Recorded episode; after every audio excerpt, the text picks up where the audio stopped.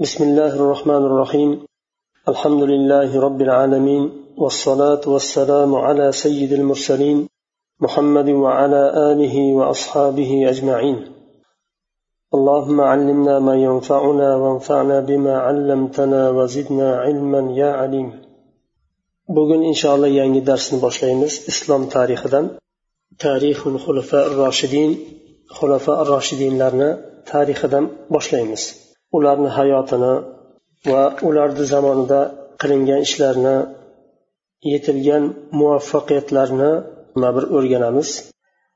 Xulafa roshidinlarni tarixidan boshlashligimizni sababi aslida islom tarixi deganda islom payg'ambari rasululloh sollallohu alayhi vasallamni hayotlaridan boshlashlik kerak edi.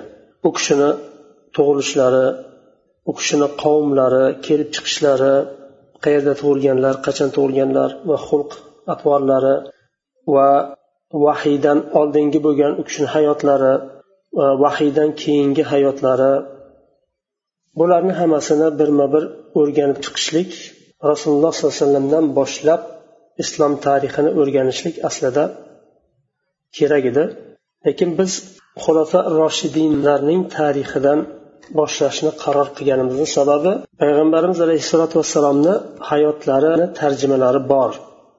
O'zbek tilida ham bor boshqa tillarda ham bor. Ko'pincha rasululloh alayhivasallamni hayotlari dars qilingan har yerda. Shuning uchun biz vaqtimiz qisqa bo'lgani uchun islom tarixi bir ming to'rt yuz yillik tarix bo'lib juda ham bir uzun tarix bo'lgani uchun vaqtimiz yetmay qolishidan qo'rqib sahobalarni hayotidan xulafa ar roshidinlarni hayotidan boshlashga qaror qildik. Chunki islom tarixida juda ham ko'p ibratlik darslar ko'p. Ummat uchun bugungi kunda xosatan juda ham muhim bo'lgan ibratli hollar ko'p. Alloh taolo darsimizni davomiy qilsin va bu tarixdan o'zimizga dunyomiz ham oxiratimiz uchun zarur bo'lgan darslarni olishlikka muvaffaq qilsin. Xulafa roshidinlarning hayoti rasululloh sollallohu alayhi vasallamni vafotlaridan keyin islomda birinchi xalifa abu bakr siddiq roziyallohu anhu tayinlandi. Abu bakr siddiqni hayotidan boshlaymiz xulafa roshidinlarni hayotini. Xulafa roshidinlar to'rt xalifa abu bakr siddiq roziyallohu anhu umar ibn hattob usmon ibn affan ali ibn abi tolib roziyallohu anhum va ba'zilar hasan ibn ali roziyallohu anhuni ham kiritgan beshinchi xalifa roshid deb va ba'zilar oltinchi xalifa roshid deb umar ibn abdul azizni ham qo'shishgan. Abu bakr siddiq roziyallohu anhuni ismlari abdulloh ibn usmon ibn amir ibn amr ibn kab ibn sad ibn تيم ibn murra ibn kab ibn luay ibn غالب al التيمي u kishini nasablari rasululloh sollallohu alayhi vasallam bilan oltinchi bobolarida birlashadi. U kishini otlari abdulloh ibn usmon lekin abu bakr deb kunya qo'yilgan u kishiga. U kishini bir nechta laqablari bor. Birinchisi al atiq al atiq ya'ni qutqarilgan jahannam azobidan o'tidan qutqarilgan atiq.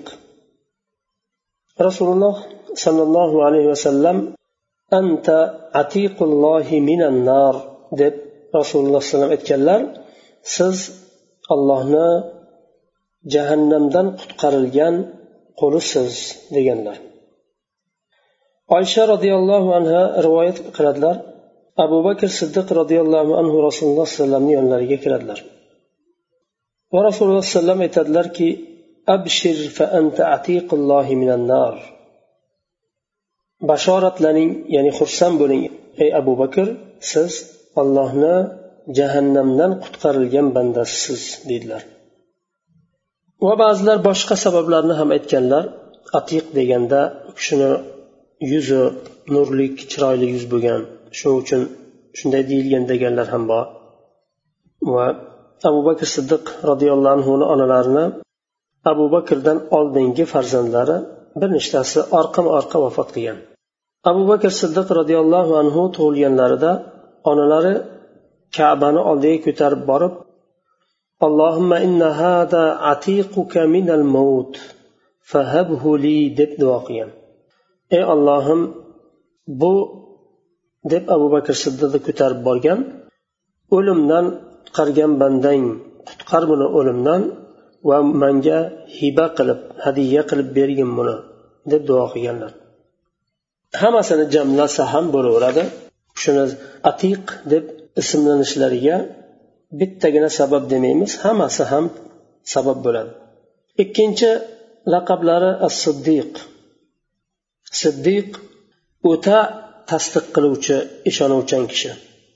Bu laqabni rasululloh sollallohu alayhi vasallam u kishiga qo'yganlar.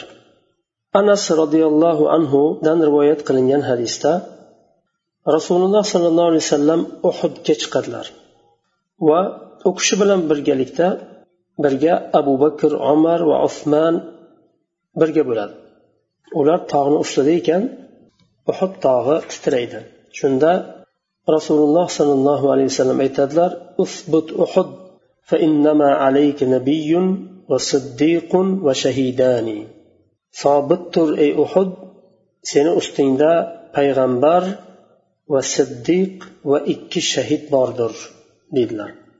U kishi rasululloh alayhi vasallamni o'ta ishonch bilan tasdiq qilardilar har bir aytgan gaplarini ikkilanmasdan hech qanday shubha qilmasdan tasdiq qilardilar. U kishi isroga va masjidil aqsoga borganlarida odamlar har xil gap tarqatishadi. Ba'zilari qalbida iymoni zaif bo'lganlar islomdan murtad ham bo'lib ketishadi. Va ba'zilari tasdiq qilishadi. Shu vaqtda qurayshdan bir qancha kishi abu bakr siddiqni yonlariga keladi.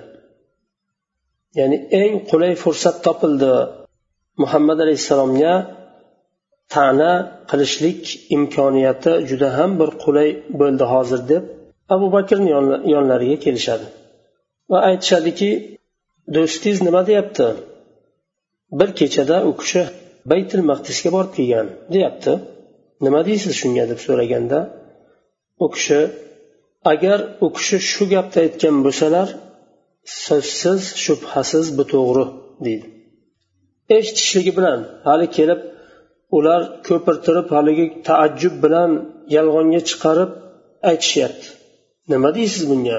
Do'sting bunday deyapti. Ya'ni aqlga sig'maydigan bir gapni gapiryapti do'sting. Nima deysiz deganda u kishi shu gapni gapirgan bo'lsalar shubhasiz u haq deydi. Ular so'rashadi qurish odamlari so'rashadi siz tasdiq qilasizmi?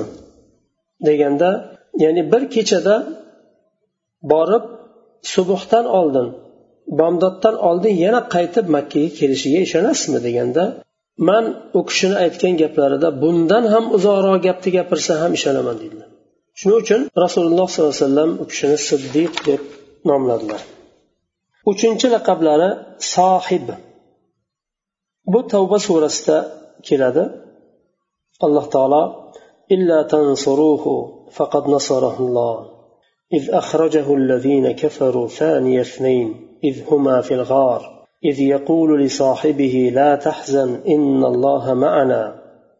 فأنزل الله سكينته عليه وأيده بجنود لم تروها وجعل كلمة الذين كفروا السفلى وكلمة الله هي العليا والله عزيز حكيم.